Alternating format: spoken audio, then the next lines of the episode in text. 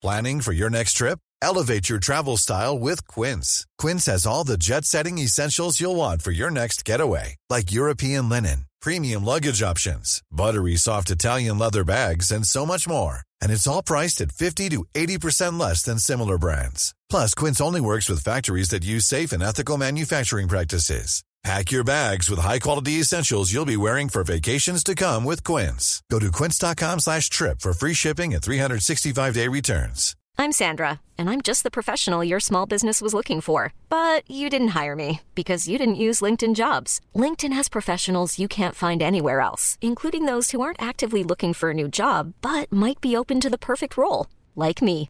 In a given month, over 70% of LinkedIn users don't visit other leading job sites. So if you're not looking on LinkedIn, you'll miss out on great candidates like Sandra. Start hiring professionals like a professional. Post your free job on linkedin.com/achieve today. Petter Northug råkjørte bil fra sommerskiskole for barn. Han meldte selv om hendelsen på Insta-kontoen sin. Hva gjør det med pressen når sosiale medier tar over som breaking news-kanal? Det skal det handle om denne uken. Du hører på Tut og Mediekjør, en podkast som tar deg med bak nyhetsoverskriftene for å vise deg hvordan nyhetene blir til. Er det bare tut og kjør i medienes redaksjoner? Eva Sandum, er det det? Eh, nei, ikke bare. Ok, kjempebra. Eh, eller er det flere vurderinger som ligger bak de sakene som lytterne våre leser? Mye kan tyde på at det er det. Ok, Ja, Ja, De vurderer ting, de òg, etter noen regler da, vet du, som eh, står i Vær varsom-plakaten, annet. Og den kjenner du godt. Hvorfor det? Jeg gjør det. Nei, fordi jeg har sittet i pressens faglige utvalg i mange år, da, vet du, så da 14? lærte jeg meg 14, faktisk, ja. Mm. Ja. Kjempebra. Kommunikasjonsrådgiver, Ja. det vi, skal vi komme veldig tilbake til i dag. Eh, Svein Tore Bergstuen, velkommen til deg. Hei, hei. Hei. Du er kommunikasjonsrådgiver også. Mm. d- jeg må ta opp en ting med deg i dag. Ja du hadde en sånn skikkelig hjertesukk ut på Facebook denne uken. Ja, ja, det hadde jeg. Ja, hjertesukk. Ja, det var kanskje det. Ja, det vil jeg si.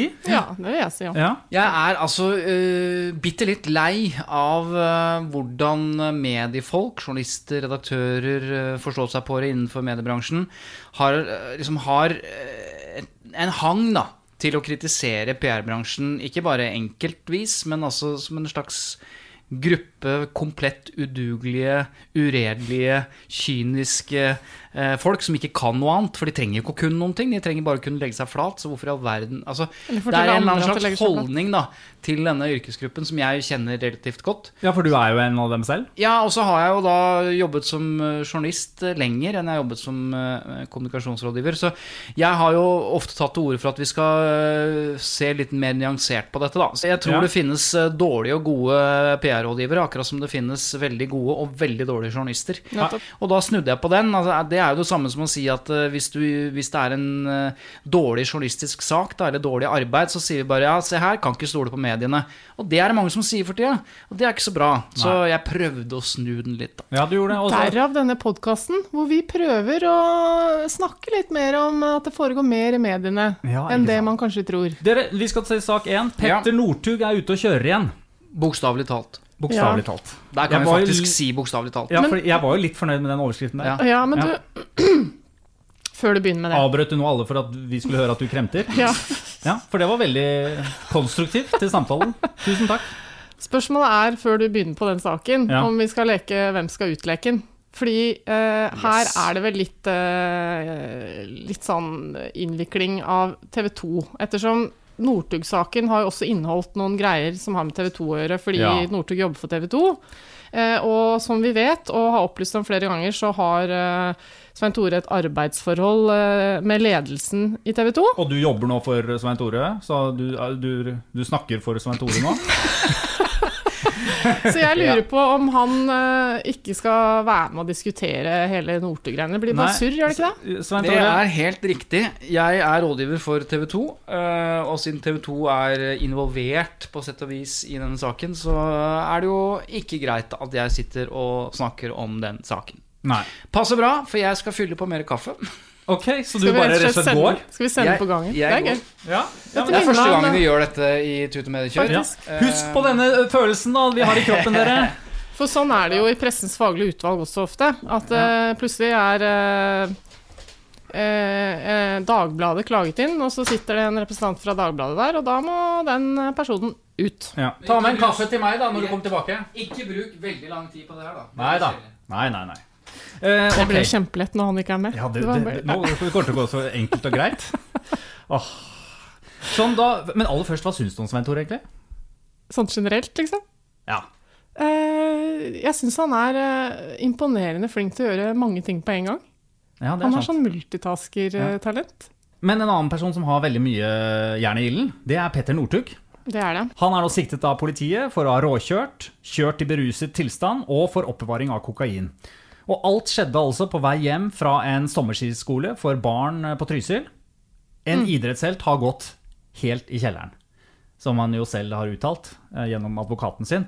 Eh, Men aller først, Eva, eh, som kommunikasjonsrådgiver, hva syns du om strategien her til Petter Northug? Eh, Han, han eh, gir oss på en måte alt som har skjedd, eh, rett ut på Insta-kontoen sin. Ja, eh, det er jo bra å gå ut, innrømme forholdet, si at man er forberedt på å ta sin straff. Eh, og det var sikkert eh, like greit å gjøre, fordi eh, han og hans rådgivere skjønner sikkert at dette kommer ut uansett, så det er like greit å være i forkant av det. Men det er noen som mener at han ikke har tatt ansvar nok i den meldingen. Fordi han, han sier at han har gjort en feil, men han reflekterer kanskje ikke helt over at han har satt andre menneskers liv i fare. Nei. Så, men, men generelt, jeg tenker liksom at starten på dette var bra fra Northugs egen side når det gjaldt å, å liksom gå ut og innrømme alt, da. Ja, ja. Så det, det, der, så det der eh, som Svein Tore liksom, mobber oss andre som tenker at kommunikasjonsrådgivere bare har én en eneste ting å legge deg flat, det stemmer jo faktisk i dette tilfellet, da. Ja, det er sant. For Northug legger seg jo helt flat her. Det, kanskje han ringte Svein Tore, for hva jeg vet. Ja, det kan være. Åh, det, det skal vi spørre han om. Det må han kunne svare på når han kommer tilbake. Ja, det kan han kanskje Ja, gjøre. ja. Saken ble altså nyhet for oss alle, altså vi som leser nyheter, eh, da Northug selv fortalte om hendelsen på Insta-kontoen sin. Eh, Og for meg så virket det jo veldig som om avisene ikke visste noen ting om dette i det hele tatt, før Northug sendte ut denne nyheten på sin egen konto. Altså, hans konto er på en måte utgangspunktet for breaking news, noe som egentlig er pressens rolle. Eh, Men ah, bare før vi diskuterer det, hva, hvordan var den gangen her? Ja, det vet vi jo for så vidt ikke, da. For det var en twittermelding fra politiet om at noen var tatt i en eh, fartskontroll, men den inneholdt ikke hvem. Nei. Eh, og så vet jo ikke vi for så vidt hvem som har tipsa aviser om ting. Eh, Og så, fordi du tror det?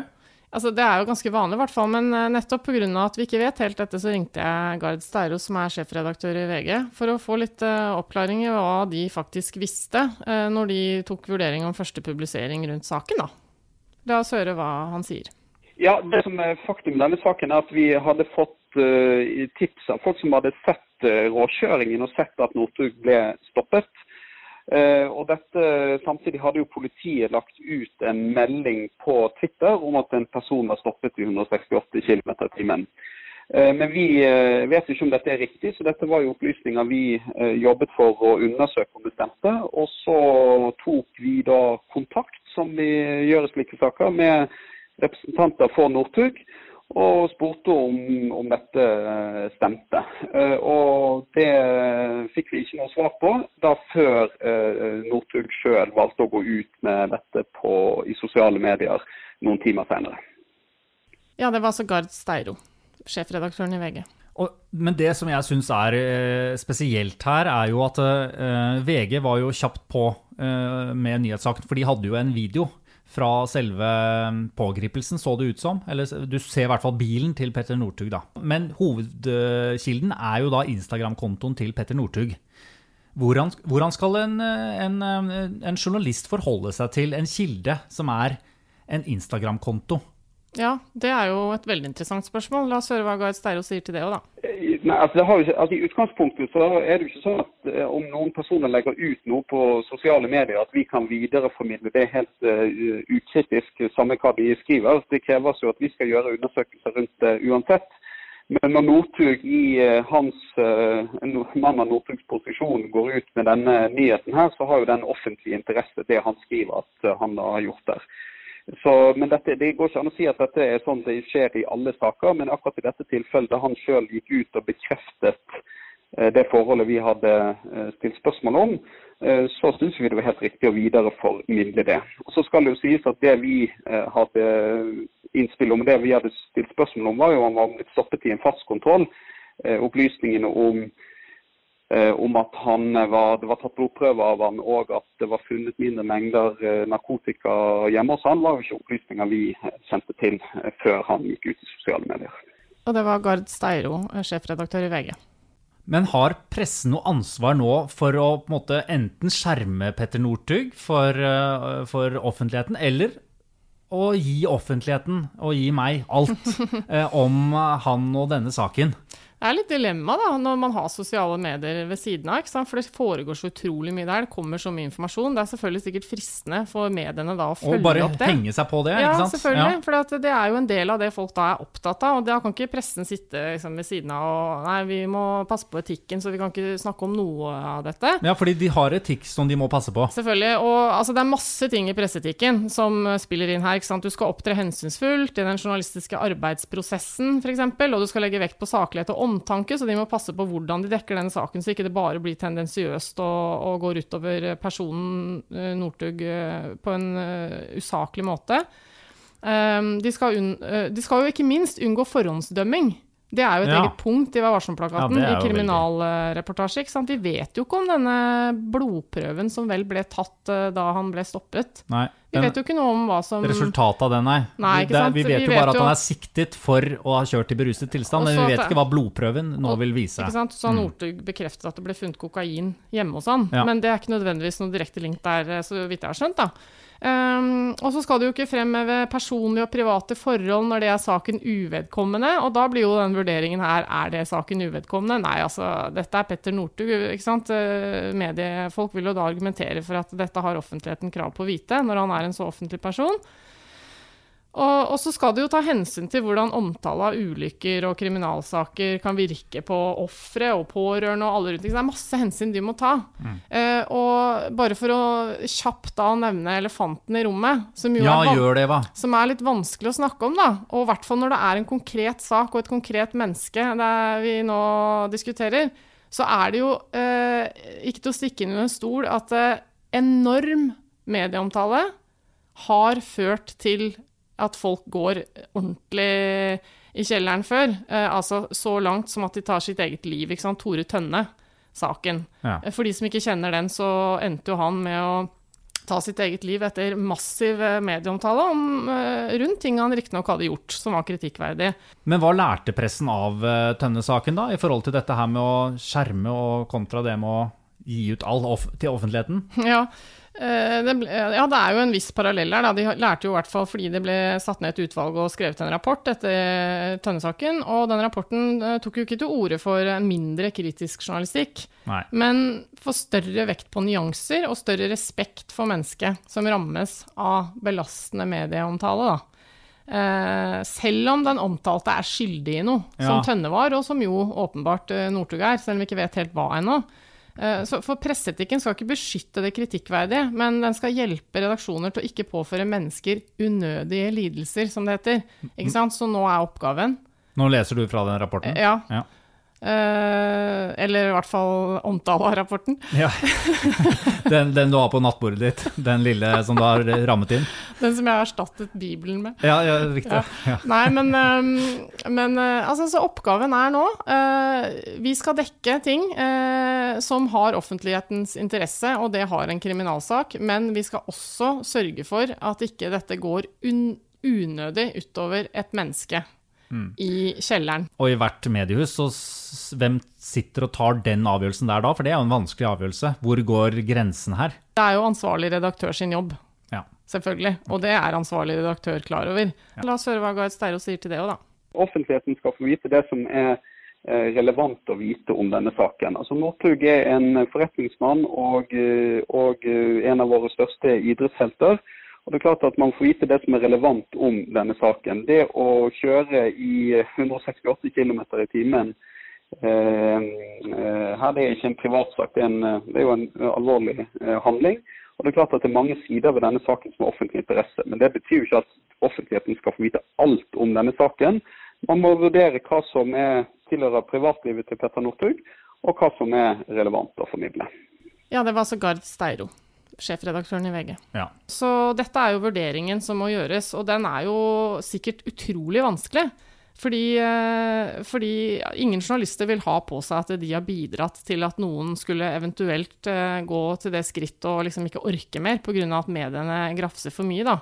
Mm. og nå er jo ikke dette grafsing, det er jo dekning av en eh, viktig sak. Men Ja, det er altså- jo det massive trykket, ikke sant. Eh, totaliteten av eh, alle meninger som kommer der ute. Men det er jo det er, for vi har fått inn noen lytterhenvendelser som Ja. mener dette er på, virkelig på vei mot grafsing. Mm. Eh, fordi eh, det er en her som stiller spørsmål om VG. Er det noen i VG som har ansvar for totaldekningen på nett? Eller er det bare å fyre løs med saker fortløpende, selv om den ene saken dekker hele forsiden? Altså, eh, på et eller annet tidspunkt eh, i denne uken så har det jo på en måte vært Jeg har et, eh, en, et bilde av Ja, forsiden her, hvor det er altså bare Petter Northug-saker på hele nettavisen. Og da scroller du ganske langt nedover, og det er bare Petter Northug. Ja. Um, Og det, det der er jo etter min mening eh, presseetikkens svakhet, da. Ikke sant? Det er masse gode regler for hvordan eh, mediene skal eh, oppføre seg og, og opptre, men det er ingen regler som sier noe om totalinntrykket. ja, hvor mange saker eller, ja, Fordi alle redaksjoner jobber jo litt hver for seg, ikke sant? Har du Ja, nå er det jo sosiale krim? medier, nå er det mediene, alle aviser. eh, Det er henvendelser fra alle redaksjoner, men det er også dekningen i sin helhet. Vent litt. Svein Tore, du kan jo komme inn! Det var godt, for det, nå begynte jeg å savne litt. Kom inn, kom inn. Du, vi har et spørsmål til deg, vi. Ja. Eh, ringte Peter Northug deg og spurte om råd om, å, om det var lurt å legge seg flat eh, før han la ut den Instagram-posten? Nei, jeg er ikke rådgiver for Petter Northug. Bra. Og det er så gøy, for jeg hører på tonen din at dette er sånn blyseriøst, at du faktisk ikke kan og vil snakke noe som helst om dette. Ja, men det, det er ryddig, det, er ikke det? Jo, ja, men det er, det, det er, det er på den måten du svarer òg. Ja, det er ryddig, det jo.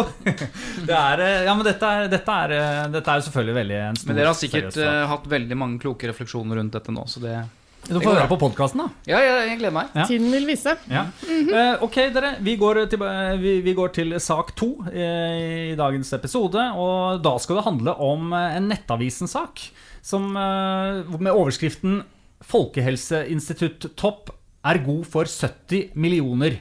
Slik ble hun rik. Og det jeg stusser litt på her, er jo at det er litt sånn, litt sånn tatt ut av eh, ingenting. Eh, altså, dette handler altså om avdelingsdirektøren ved Folkehelseinstituttet, Line Wold. Hun som vi ser ofte på TV, ikke sant? Ja, hun med lyst hår. Um, så, uh, og, og da har da Nettavisen laget uh, og sett på økonomien hennes og, og løftet frem hennes personlige formue. Hey, it's Paige DeSorbo from Giggly Squad. High quality fashion without the price tag. Say hello to Quince. I'm snagging high-end essentials like cozy cashmere sweaters, sleek leather jackets, fine jewelry, and so much more. With Quince being 50 to 80% less than similar brands. And they partner with factories that prioritize safe, ethical, and responsible manufacturing. I love that. Luxury quality within reach. Go to quince.com slash style to get free shipping and 365 day returns on your next order. Quince.com slash style. Ever catch yourself eating the same flavorless dinner three days in a row? Dreaming of something better? Well, HelloFresh is your guilt-free dream come true, baby. It's me, Kiki Palmer. Let's wake up those taste buds with hot, juicy pecan-crusted chicken or garlic butter shrimp scampi. Mm. Hello Fresh. Stop dreaming of all the delicious possibilities and dig in at HelloFresh.com. Let's get this dinner party started.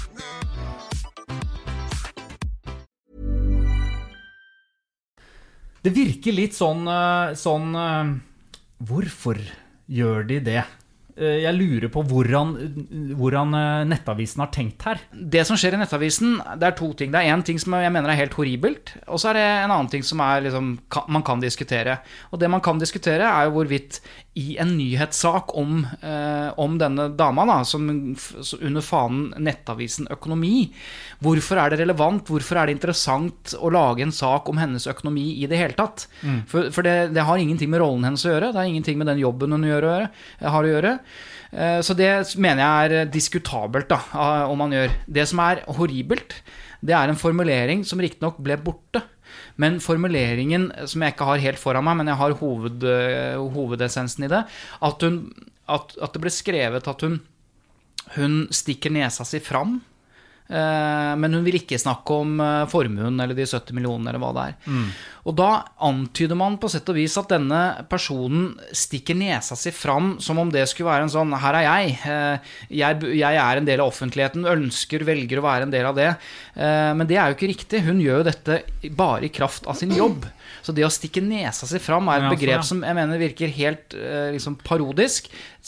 Og det brukes som en sånn slags forklaring på at da må vi også vite noe om økonomien hennes. Ja, for at det, dette her blir jo det samme som det derre mantraet som vi ofte hører fra pressefolk, ikke sant. At eh, når du har bedt om offentlighetens eh, søkelys når ting går bra, så må du tåle at vi også dekker eh, forhold om deg når det ikke går så bra.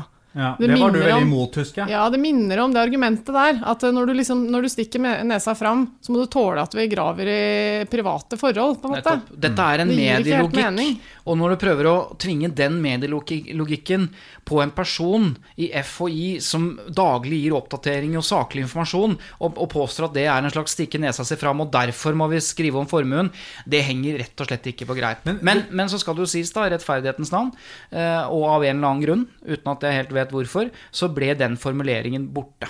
Ja, okay. men her er det flere ting. Eh, Fordi at, har du nevnt at eh, grunnen til at dette ble en liten sak, var at eh, Preben, Preben Aavitsland, som er da epidemiolog, som alle har sett på TV, Har ikke nevnt det. han var ute og reagerte veldig på denne, denne artikkelen. Han syntes det bare var skikkelig ufint. Søppeljournalistikk. Søppeljournalistikk, ja, Ja. kalte han det. Eh, men la oss da høre hva ansvarlig redaktør i Nettavisen, Gunnar Stavrum, eh, sier håper å si, til sitt forsvar. Jeg, spurte han eh, hvorfor løfter dere frem dette med hennes formue?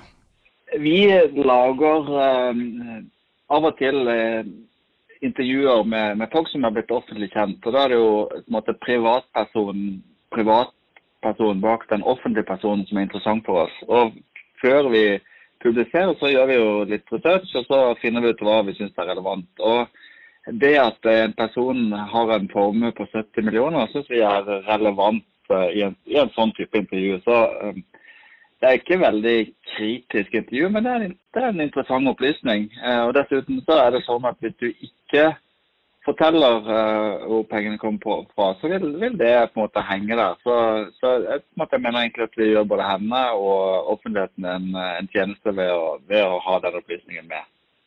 Nettavisene har ikke noen noe spesiell layout for, uh, for personintervjuer. Sakene ser eh, nokså like ut uh, visuelt. Men når man leser intervjuet, så, så fremgår det ganske klart at dette, dette er eh, personen bak den offentlige personen. Ja, nå hører vi Stavrum her sier, eh, snakker om portrettintervju, og det sa han også til Medie24 da han skulle forklare dette, at eh, i et portrettintervju så er det jo så er det jo gjerne sånn at privatpersonen bak den offentlige personen eh, som vi er interessert i. Men det er jo ingen som leser dette intervjuet som et portrettintervju. Eh, det er ikke noen familiebilder her, det er ikke noe, det er ikke noe tradisjonelt portrettintervju. Det er bare en jævlig lang sak Ja. om henne. Så jeg Og hennes at- formue. Ja. Ja, så jeg, jeg, kjøper, jeg kjøper ikke helt den eh, forklaringen, da, rett og slett. Nei, det er en Men- familieformue som hun svarer godt for seg, for så vidt i saken, men det fremstår jo overhodet ikke som et sånn portrettintervju, sånn som vi kjenner det, da. Ta, ta et annet eksempel, da. Eh, Det, vært, det er en person, offentlig person som har fått skrevet Det har blitt skrevet mye om hans personlige formue, og det er Jonas Gahr Støre som politiker. Og der er vi i en helt annen situasjon. Det er relevant, og det er interessant, og, og informasjonsbehovet er berettiget når man snakker om politikeres bakgrunn, politikeres økonomi, politikeres eh, håper å si, liv og virke.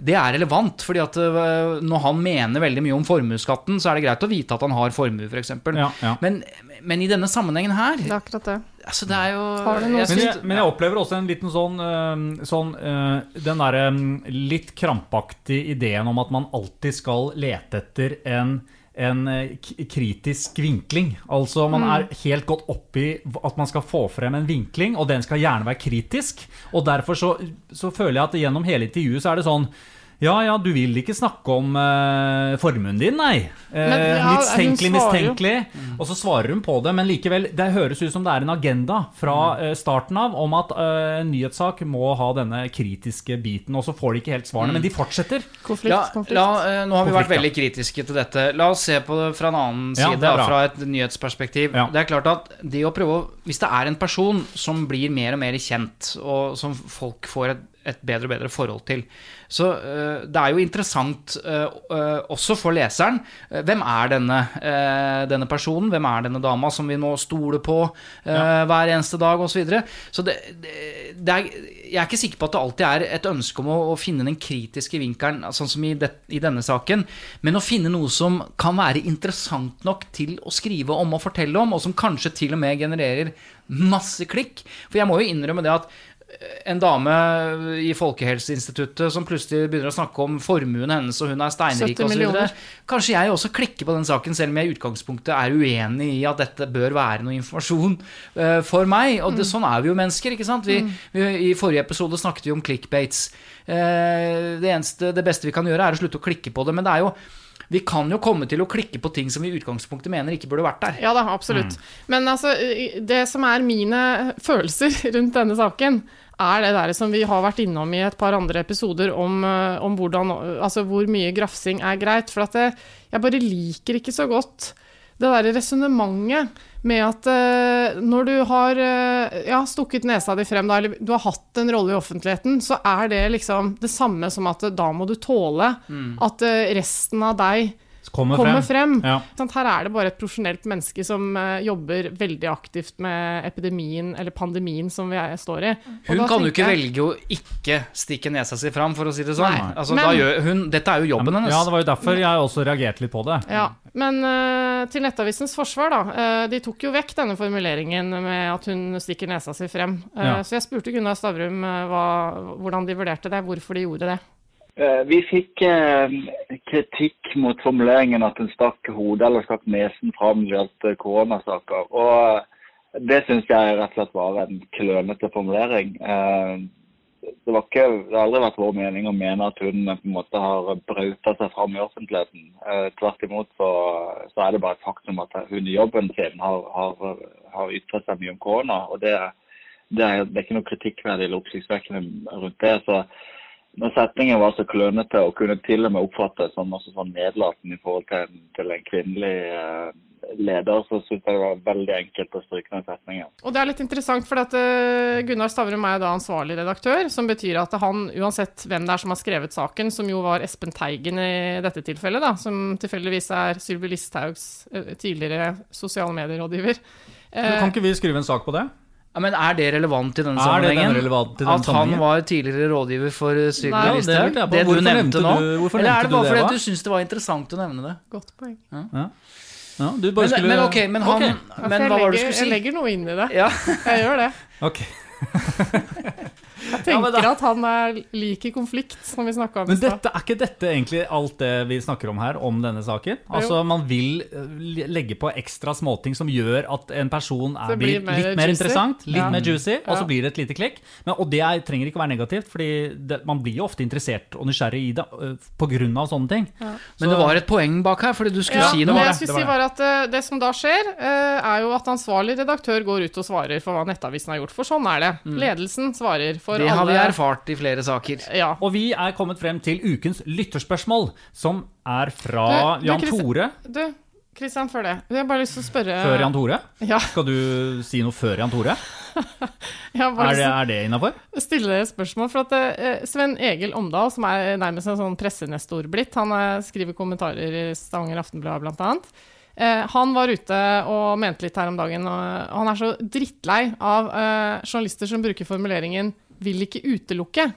Ja. Eller tvinger eh, intervjuobjektene sine til å bruke eh, formuleringen 'vil Kan du utelukke'. utelukke Ja. at Og så videre. Ja. Eh, og det syns jeg var veldig interessant, for er ikke det veldig irriterende? At det er sånn Journalister eh, stiller hele tiden sånn spørsmål som om det er for at de skal ta deg i å si noe som de skal bruke mot deg etterpå.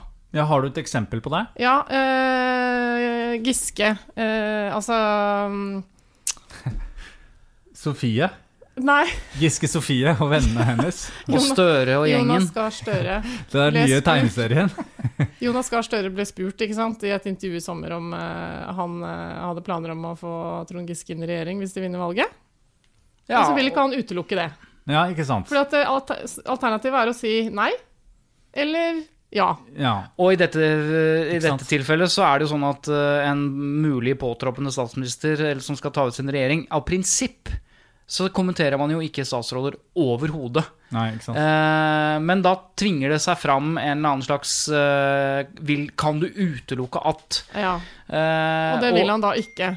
Nei.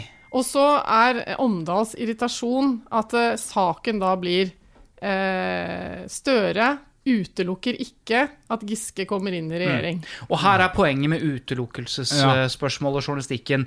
Når mediene eh, skriver på denne måten, så kan de skape et inntrykk av at det er sannsynlig, eller ikke så usannsynlig, at dette skjer når du ikke kan utelukke. Faktum er at når du tvinger fram et 'kan ikke utelukke', så kan det være 99,9% sjanse for at det ikke skjer. Men man kan da likevel ikke utelukke. Og da skaper man et helt feilaktig inntrykk av hva som er sannsynlig. og, og befolkningen trenger ikke å få servert helt usannsynlige eventualiteter. De trenger å få servert er det sannsynlig? Er det trolig? Er det, hva er sjansen for det? Men utelukke er Jeg er enig med, med Omdal, det er juksejournalistikk. Nei, men jeg skjønner ikke helt hva, er det, hva har journalistikken med, eh, skyld i dette? Altså, det, det, er jo Gahr Støre i dette tilfellet som svarer det. Det er jo han som er skyldig. Da må han bare ikke svare. Kristian, Ja. kan jeg spørre deg om en ting? Ja. Uh, denne podkasten den er vi glad i. Den går stadig bedre og bedre. Gode tilbakemeldinger. Ja. Du produsent av denne, kan du utelukke at du vil produsere denne her neste uke? Eller, unnskyld, nei. eh, Nei. kan du garantere, for det er en annen, det er en positiv variant av det, kan du garantere at denne podkasten kommer på lufta i neste uke? Eller kan du utelukke at du legger ned dette her om to uker? Jeg kan jo garantere at den kommer til neste uke. Det kan du vel ikke? Det kan, masse kan skje. Eva, ja, ikke kan sant? Eller, og, og poenget hans er jo også at dette blir verre når det er snakk Ja. om alvorlige ting. Hvis du stiller PST da, spørsmål om, eh, om de kan utelukke at eh, hele Oslo blir bomba eller ja. blir utsatt for et eh, Ja, biologisk ja, terrorangrep. er Eh, og så kan Nei ikke de utelukke det. Og det er greit nok, det er en måte å stille spørsmål og en måte å svare på. Men hvis saken i media da blir Politiet utelukker ikke et forestående biologisk angrep, eh, angrep i Oslo. Da blir det feil, og det er det området irriterer seg over. Okay, og hva- det er måten man manipulerer sånne kan ikke utelukke-svar, da. Men samtidig også, det er jo litt sånn eh, Eller hva, hva kan en journalist gjøre, da? Hva skulle han ha gjort, eller hun ha gjort, i, i et tilfelle f.eks. med Jonas Gahr Støre, som er vårt eksempel nå, da? Ja, veldig enkelt så kan man jo forklare hvorfor han ikke kan utelukke. Man kan jo f.eks. i saken forklare at grunnen til at han ikke kan snakke eller vil snakke om dette, er naturlig nok fordi at det gjør ingen som skal sette sammen en regjering. Det kunne man ha forklart ly lytt Men- eller leserne. Men bør, han, bør en journalist si det? Er ikke da en journalist eh, som begynner da å på en måte forklare hva han egentlig mener med En det han journalists sier? oppgave er jo å forklare hva som står i saken. Jo, det skjønner jeg. Det er ikke bare å når de, å, når de skal begynne å tolke hva, hva intervjuobjektet sier, blir Ja, men ikke det, det, veldig det er ikke noe Ikke tolking, for, for Jonas Gahr Støre var helt tydelig på det at grunnen til at han ikke kan utelukke eller grunnen til at han ikke kan svare på dette, er av det. Og da er det jo mye mer interessant å stille spørsmålet hvor sannsynlig er det? Eller hvis man finner ut av liksom, er det reelt? Det er jo poenget eh, til Eva også, at, at hvis du får denne bombesaken, da, så er jo oppgaven din ikke å lage et oppslag som gir inntrykk av at det er en viss sannsynlighet for at det skjer. Det er, eh, det er utelukkelsesspørsmålet. Og tilbake igjen til deg. Du kan ikke utelukke at du legger ned denne podkasten om to uker, for det kan skje ting Ja, er- som gjør at du, hvis du skal svare ærlig på det spørsmålet Og hvis jeg da går ut og sier ja, hvordan går det, med po- hvordan går det med podkasten, Svein Tore? Nei, Christian kan ikke utelukke at han legger den her om to uker. Og det er vel ikke helt eh, Da får vel eh, folk et inntrykk av at ja, jøss, det, er- det er såpass, ja. Ja, det er, Og det, ja. Ja, det, det er sant, uten å si det, så blir det jo ikke noe sak, på en måte. Og sånn er det jo her med eksempelet med Støre og Giske. At der er det konflikt, ikke sant? Det vet man For jo. ordens skyld, og grunnen til derfor så er det veldig interessant å bruke den paragrafen. Ja, ja, ja, For ordens skyld, grunnen til at Støre-intervjuet ble en sak, var jo kombinasjonen av at han ikke kunne utelukke Giske, og at han hadde noen formuleringer angående de eh, kvinnene som forlot politikken, som ikke var helt Ja heldige, for å si forsiktig. mye rart i det. Og da fikk man liksom eh, både sånn De bør være takknemlige, disse damene som har tjent eh, landet, holdt jeg på å si, eller partiet, som han sier. Eh, og dessuten eh, åpner for Giske. For husk på at ikke utelukke, det kan ofte bli til åpner for at. Ja, Og da har vi det samme. Å Mm. ja, så det er det han gjør nå. Han åpner for at han kan komme inn igjen. Nei, Ja. han bare kunne ikke svare på spørsmålet. Ja, Så dette var jo da et ja, hjertesukk fra Svein Egil Omdal Ja. eh, om presisjon. Og fra dere òg, følte Som vi deler. Som vi deler. vi Mm. deler. Det blir Vi tre deler. hjertesukk på en gang, det. Tre Ja. hjertesukk. Å, det ble mye. Mm. Så, noterer jeg det, så blir det boller til Når vi har fire hjertesukk, så er det boller til alle. uh, men, men dere eh, Du er noe rar òg da, Christian. ah, Skjønn, vil noen si. Ok. Men vi har litt- flere vi har- vi har lytterspørsmål. Det er det vi har. Ja. Og så følte jeg egentlig litt den saken her nå Jeg følte vel egentlig litt sånn dårlig samvittighet at vi burde ha forklart ordentlig hva den der Støre-saken var. Men da vil jeg bare Den, den saken ligger jo der ute. Ja. Så kan ikke folk bare Du som hører på, hvis du lurte litt på hva vi egentlig snakket om der, gå inn og Hva er det man skal søke på da på Google for å få den saken frem? NRK Støre Støre Giske utelukke. Den- kommer opp fort, Ja, altså. ja, Ja, ja. Ok, da er det lytterspørsmål. Jan Tore, din tur er kommet. Eh, Du har sendt inn et spørsmål, eh, og det skal jeg finne nå.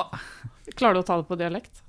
For det kommer på dialekten. Å ja. Nei, det gjør jeg ikke. Vær så god, Eva Nei, jeg klarer ikke det. Jeg elsker det. Ja, nettopp. Eh, For da kan jeg late som jeg er en del av en slags Jon Fosse-stykke. Jeg kan forstå at kjelder under press heller vil svare på e-post enn anlet til anlet.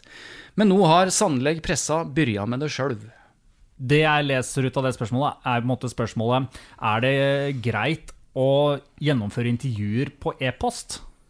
Og særlig for journalister? Ja, han Men la oss peker ta på det første Ja. først. Er det greit? Eh, Eva svarer nå. Det hørte du kanskje som hørte på. Jeg rakk opp hånda, for det har jeg lært at man skal gjøre. nå. Uh, vi satt jo i eh, Kildeutvalget, som jeg eh, var med i som, eh, i fjor. Hvor vi skulle undersøke litt eh, hvordan stemningen er mellom eh, intervjuobjekter og mediene. Eh, og dette var et stort tema. Fordi at journalister misliker sterkt når det prøves fra kilder å liksom kontrollere intervjusituasjonen ved at alt skal foregå skriftlig.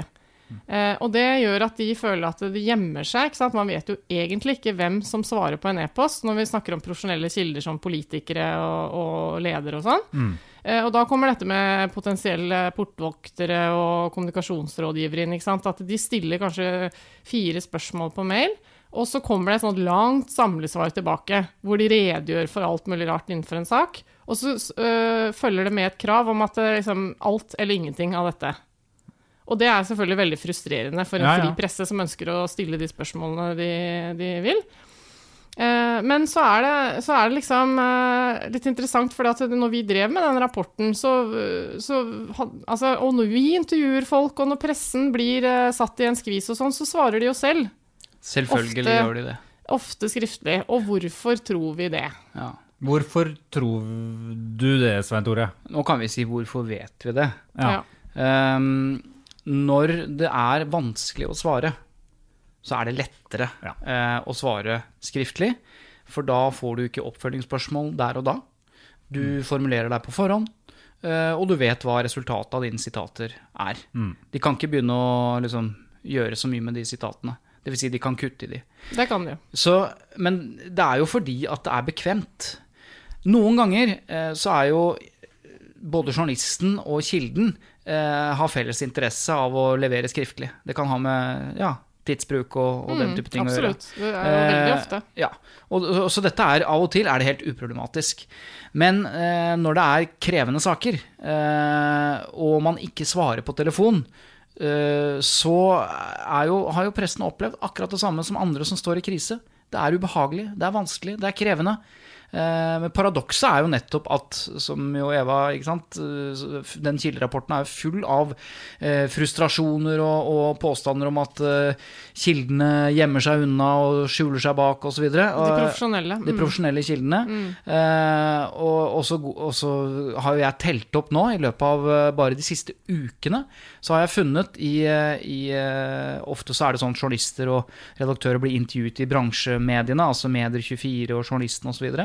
Men jeg har funnet 13 eller 14 eksempler, 13 eller 14 forskjellige redaktører som har valgt å svare på enten SMS eller e-post Ja. i, i løpet av de siste ukene. Og det er bevisst, altså de har valgt å ikke Vi må ha det på e-post. Nei, der er det en kombinasjon av at de, at de bare velger å gjøre det. Eh, Fordi det er bekvemt, eller noe sånt. Og det, være, og det er også saker der det åpenbart er fordi det er krevende spørsmål. Eh, For det er jo ikke sånn, sånn som det står. eh, Har ikke anledning til å gjøre intervju på telefon, tar det skriftlig. Altså jeg sitter jo på den andre siden og rådgir eh, kilder og kunder og så videre som er i media.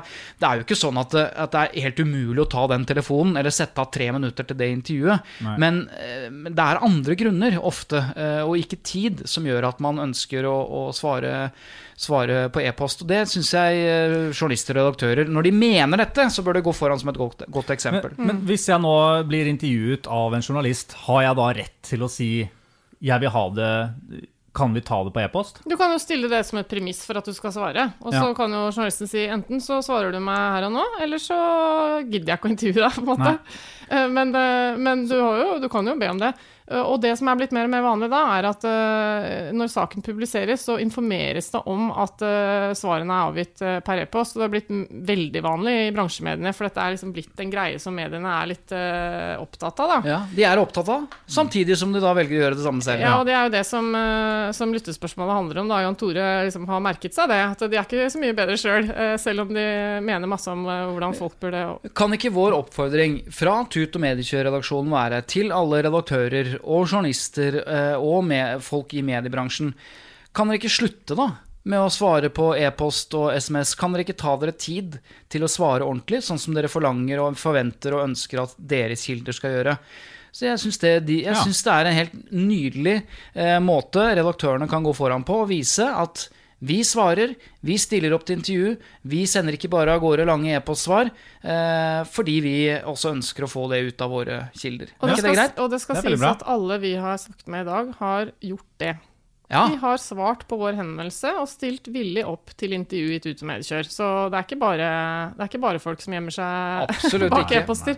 Men men, Men nå er jo ikke våre jeg- spørsmål sånn jeg, helt på kanten kritisk, eh, dypt vanskelig og problematiske. Men jeg må bare si en ting, at det, man må huske på at det, det er en grunn til at dette problemet har oppstått. For jeg føler at når den diskusjonen eh, Mm. oppstår, så er det liksom eh, som om det bare er masse eh, politikere og er næringslivsledere som, som gjemmer seg eh, når de er i trøbbel, og så eh, kjører de kommunikasjonsrådgivere og portvoktere og e-postintervjuer og alt for å liksom holde avstand.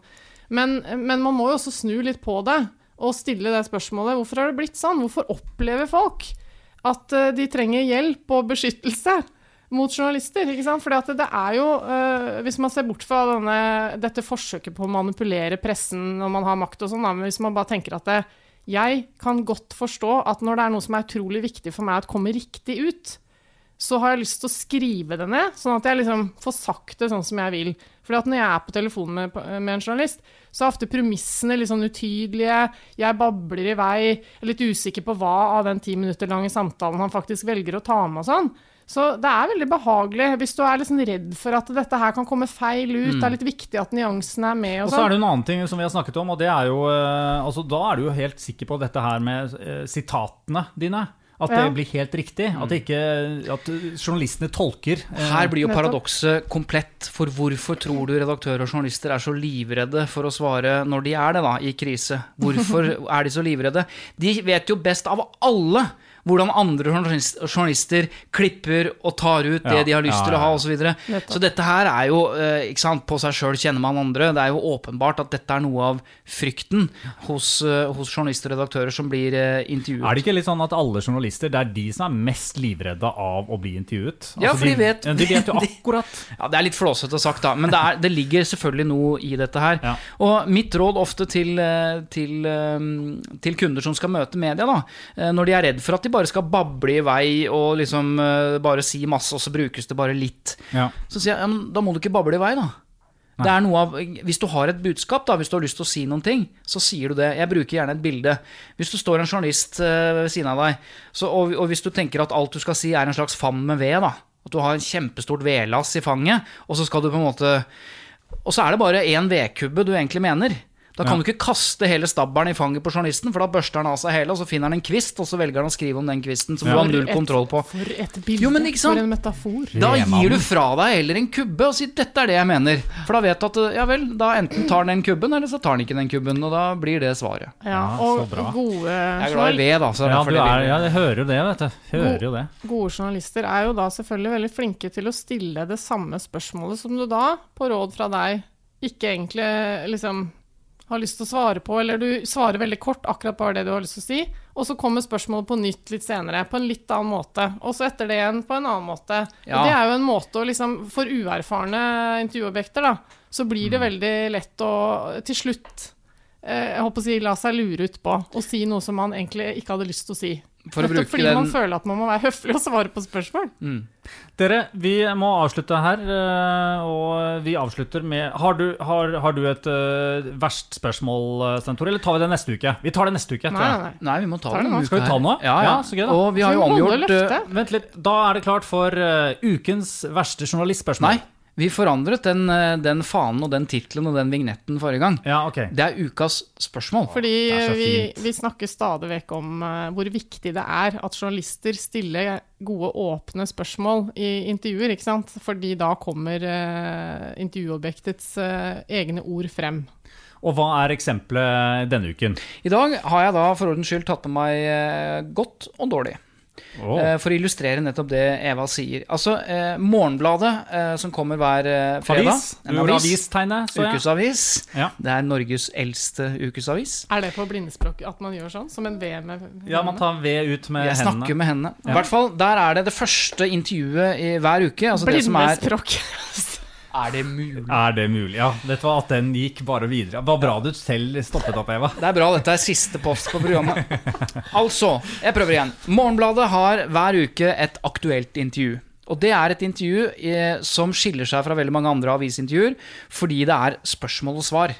Altså Ja. Spørsmålene som er stilt, i hvert fall en del av de, eh, står på trykk, og så står svar på trykk. Spørsmål og svar. Spalte, da, på et vis. Eh, der er det, eh, nå har jeg gått gjennom eh, ganske mange utgaver, der er det dessverre, må jeg nesten si, 70-80-90% lukka spørsmål. Det er hardt. Eh, og det bare gjentar det. Altså, hvorfor er et lukka spørsmål, altså et ja-nei-spørsmål, eh, dårlig? Det er fordi at et, et lukka spørsmål er i seg selv ledende. Du leder fram til et ja eller nei. Eh, og når du har et lukka spørsmål, kombinert med at det kanskje også er ledende, i tillegg ekstra ledende, så vet vi, både av forskning, men av ren erfaring, så ser vi at det er Det trekker svaret i en eller annen retning, da. Det påvirker svaret. Svaret eh, blir mindre pålitelig. Um, og, det er, og det er ikke bra, for da går vi eh, potensielt glipp av informasjon, eller vi kan til og med få feil svar. Har du et eksempel fra Morgenbladet? Ja, der er det Altså, der kunne jeg brukt masse eksempler, fordi de fleste er lukka, men Ja, for du sa jo 70-80-90% Riktig. Eh, Et spørsmål som ikke høres så gærent ut, men som er lukka. Forventer du at det blir mye fjernundervisning framover? Ikke sant? Nei. Ja. Nei. Nei. Og så kan man forklare det. Men når det er lukket, så ligger det premiss om at det, det blir vel mye fjernundervisning framover. Gjør det ikke det, da? Men Nei, men altså skjønner ikke helt problemet med det. Fordi at det, du, du- det er jo fint å bare få avklart det ganske ryddig med en gang. Og så kan man eventuelt stille oppfølgerspørsmål. Ja, men det, si- hør nå, Legg merke til det. Hver gang jeg sier at det er lukka spørsmål, og dere ikke ser problemene, så sier jeg ja, men først kan vi få avklart, og så kan man stille oppfølgingsspørsmål. Ja. Skal det oppfølgingsspørsmålet også være lukket, da? Nei, det må jo Det må Hvorfor åpent, ikke? ja. Men Eller hvorfor gå omveien? Hvorfor ikke spørre hva slags type undervisning blir det mest av framover? Jo, men hvis saken liksom er f.eks. at eh, nå går det mot mer fjernundervisning pga. koronasituasjonen Ja, Men saken er vel først en sak etter at du har fått informasjonen. Så dette her handler om et intervju hvor du skal innhente informasjon. Hvis du sier da blir det mye fjernundervisning framover? Ja, det, ja, det blir nok en del er korona, så det blir en del fjernundervisning framover. Ellers, hvis du vil gjøre det åpent da, og gjøre svaret enda mer pålitelig, hva slags type undervisning blir det mest av framover? Eller hva slags type undervisning forventer du framover? Ja, jeg tror det blir både fjernundervisning, og så blir det, men jeg tror det også blir ganske mye annet. Poenget mitt er at vi er sosiale vesener som i intervjusituasjonen også er interessert i å tilfredsstille på langt på vei den vi snakker, Ja, ja. Om, snakker med. Og det som skjer da, det er at når du får et spørsmål eh, av typen eh, har, Går det bedre nå? Ja, det går jo litt bedre. Men hvis spørsmålet hadde vært 'hvordan går det?', så kunne det godt vært 'nei, det går ikke så bra'. Sånn at eh, du får ikke den informasjonen som er mest pålitelig. Eh, Eller et annet spørsmål i samme spalte. Ja, du, først så tok du psykologi, og så tok du juss. Du er en mann som trekkes mot profesjonsstudier, du. Skal man begynne å nekte på det, da, eller? Ja, det, du kan vel kanskje si Hvordan det. vil du ha stilt det spørsmålet? Nei, spørsmålet er eh, ut fra det du har studert. Du kan da gjerne si psykologi og, og, og, og juss. Hva er det du trekkes mot? Ikke sant? Eller du kan, med en gang du åpner spørsmålet, så gir du muligheten til å svare ut fra egne tanker og egne behov, og ikke få, ikke få de til å bekrefte noe. Jeg sier jo ikke at alle svar på lukka spørsmål er feil. Jeg sier bare at sannsynligheten eller risikoen for at svaret ikke blir helt som det burde blitt, altså burde blitt ut fra påliteligheten av det, det de faktisk mener, er mindre. Derfor ønsker vi åpne spørsmål. Ja, jeg meg- skjønner poenget ditt, altså, for det, det ligger jo veldig mye premisser i, i, hele, i mediene generelt, når journalister jobber på den måten. Ok, Eva, nå skal, still meg et åpent spørsmål, da. Hvordan har du det i dag? Ja, det var kjempebra. Det er et åpent spørsmål. Hva Hvis det man sier eh, 'Er du glad for at eh, jeg har kommet i dag, Christian?' Hvis du sier 'Ja, på en måte er jeg jo det'. Det er hør, nå, men hør nå. Ja, på en måte er jeg jo det. Egentlig så kan det bety nei. Ja, det kan jeg. Men det, det er faktisk, for jeg var jo, har jo vært programleder for, for eh, et ungdomsprogram på NRK P2 som het Kulturbo. Eh, Det var den tida P2 skulle satse på ung, ungdom og kultur. Ja. Eh, og da hadde jo jeg Jeg intervjuet jo 1000, tror jeg. Jeg talte opp. 1000 unge hadde jeg i studio. eh, og vi hadde liksom forskjellige spalter og eh, drev med ting. Da ble jo min intervjuteknikk med, med dem Det var jo rett og slett å bare sette de på en måte i bås, så de ble tvunget til å måtte ta stilling til om de var fornøyd med det jeg sa de var, eh, og ikke, på en måte. For da gled de ikke unna.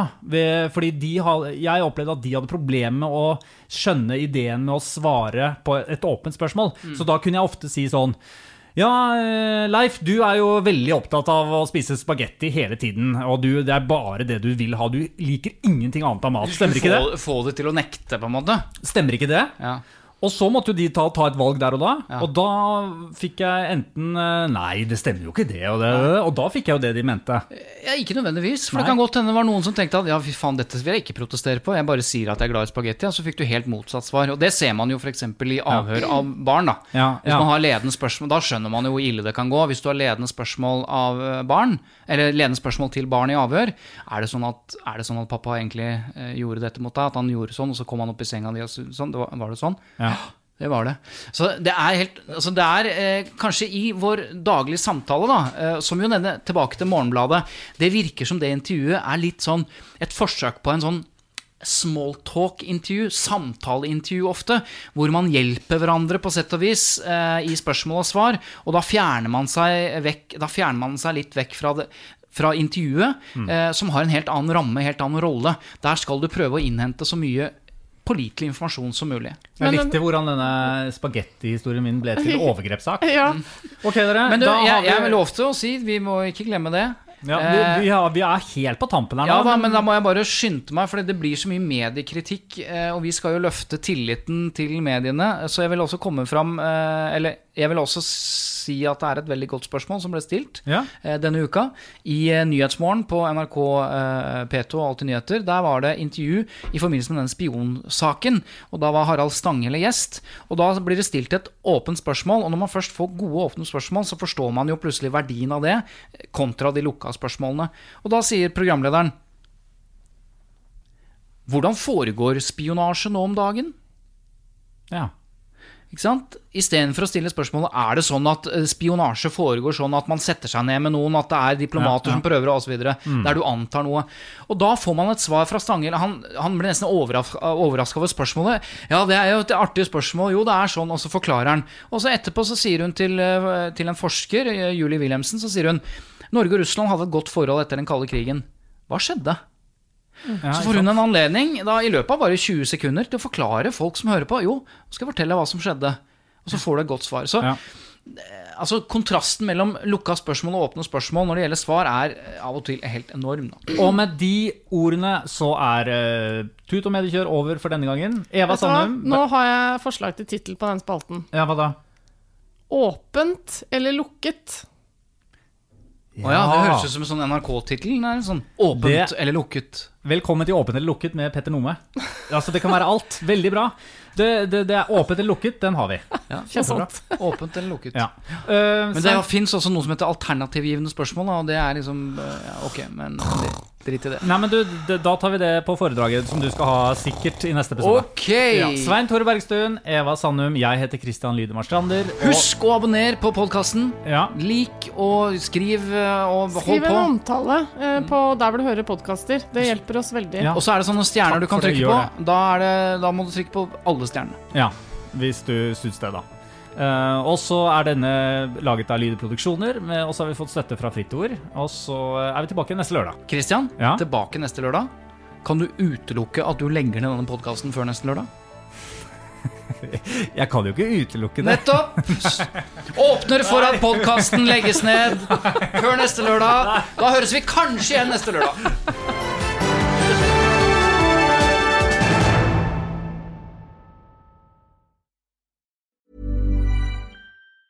Hey, it's Danny Pellegrino from Everything Iconic. Ready to upgrade your style game without blowing your budget? Check out Quince. They've got all the good stuff shirts and polos, activewear, and fine leather goods, all at 50 to 80% less than other high end brands. And the best part? They're all about safe, ethical, and responsible manufacturing. Get that luxury vibe without the luxury price tag. Hit up quince.com slash upgrade for free shipping and 365 day returns on your next order. That's quince.com slash upgrade. Hold up. What was that? Boring. No flavor. That was as bad as those leftovers you ate all week. Kiki Palmer here, and it's time to say hello to something fresh and guilt-free. Hello Fresh. Jazz up dinner with pecan-crusted chicken or garlic butter shrimp scampi. Now that's music to my mouth. Hello Fresh. Let's get this dinner party started. Discover all the delicious possibilities at hellofresh.com.